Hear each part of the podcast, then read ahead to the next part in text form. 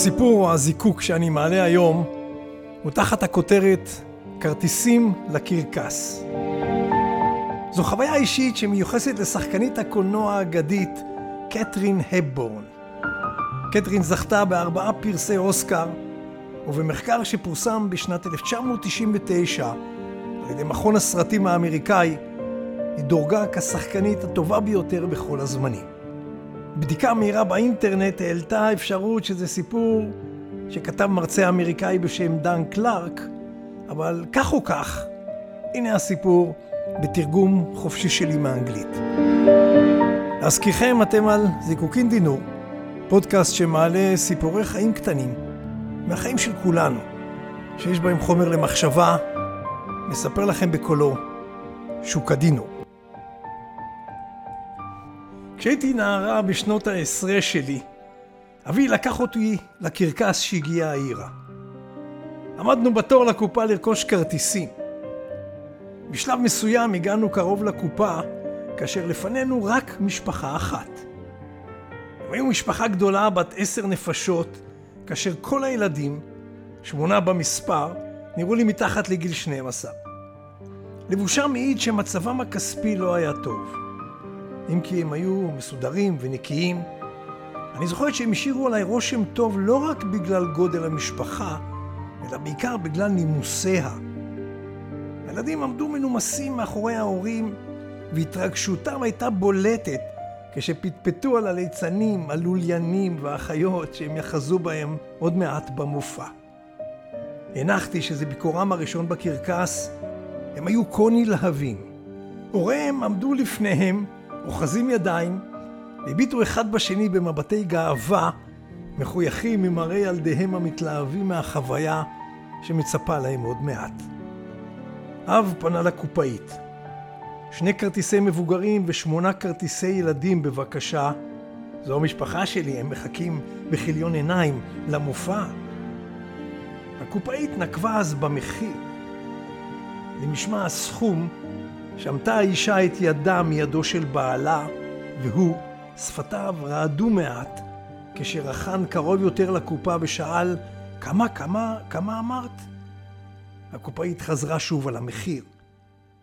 היה ברור לי מתגובתם שהם לא היו מוכנים להוצאה הזו, וגם לא הייתי בטוחה שהיה להם את הסכום הדרוש. המחשבה המיידית שחלפה בראשי אז, כנערה, מה, מה הוא יאמר לילדיו? אבי היה שותף למחזה כמוני. ראיתי אותו מפשפש בכיסו, ואז הוא שמט לרצפה שטר של עשרים דולר. זה היה סכום לא מבוטל, וגם אנחנו לא היינו משפחה שהממון מצוי בכיסה בשפע.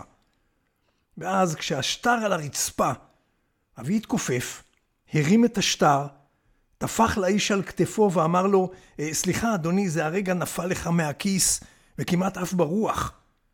והושיט לו את השטר.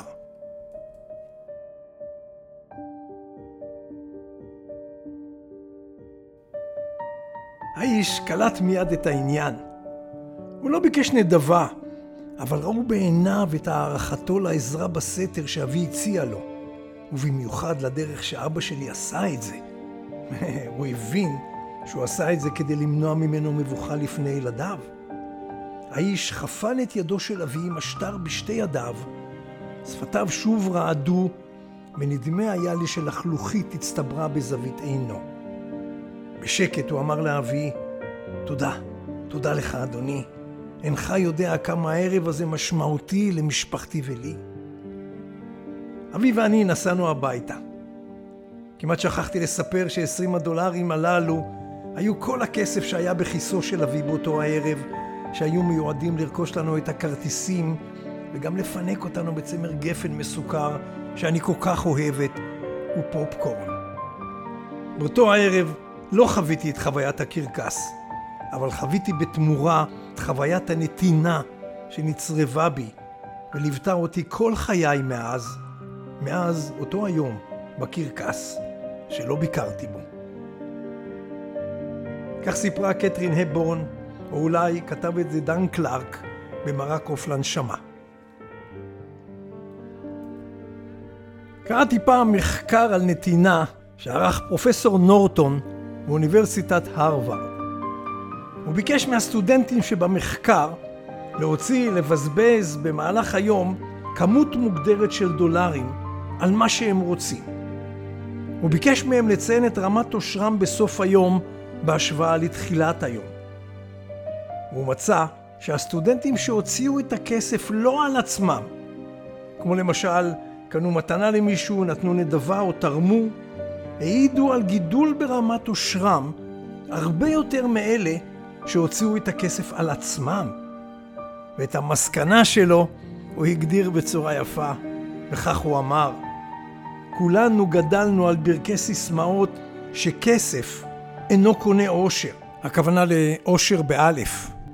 אני רוצה להציע שכסף יכול להוסיף עושר, אבל כאשר אינך מוציא את הכסף, בהכרח על עצמך.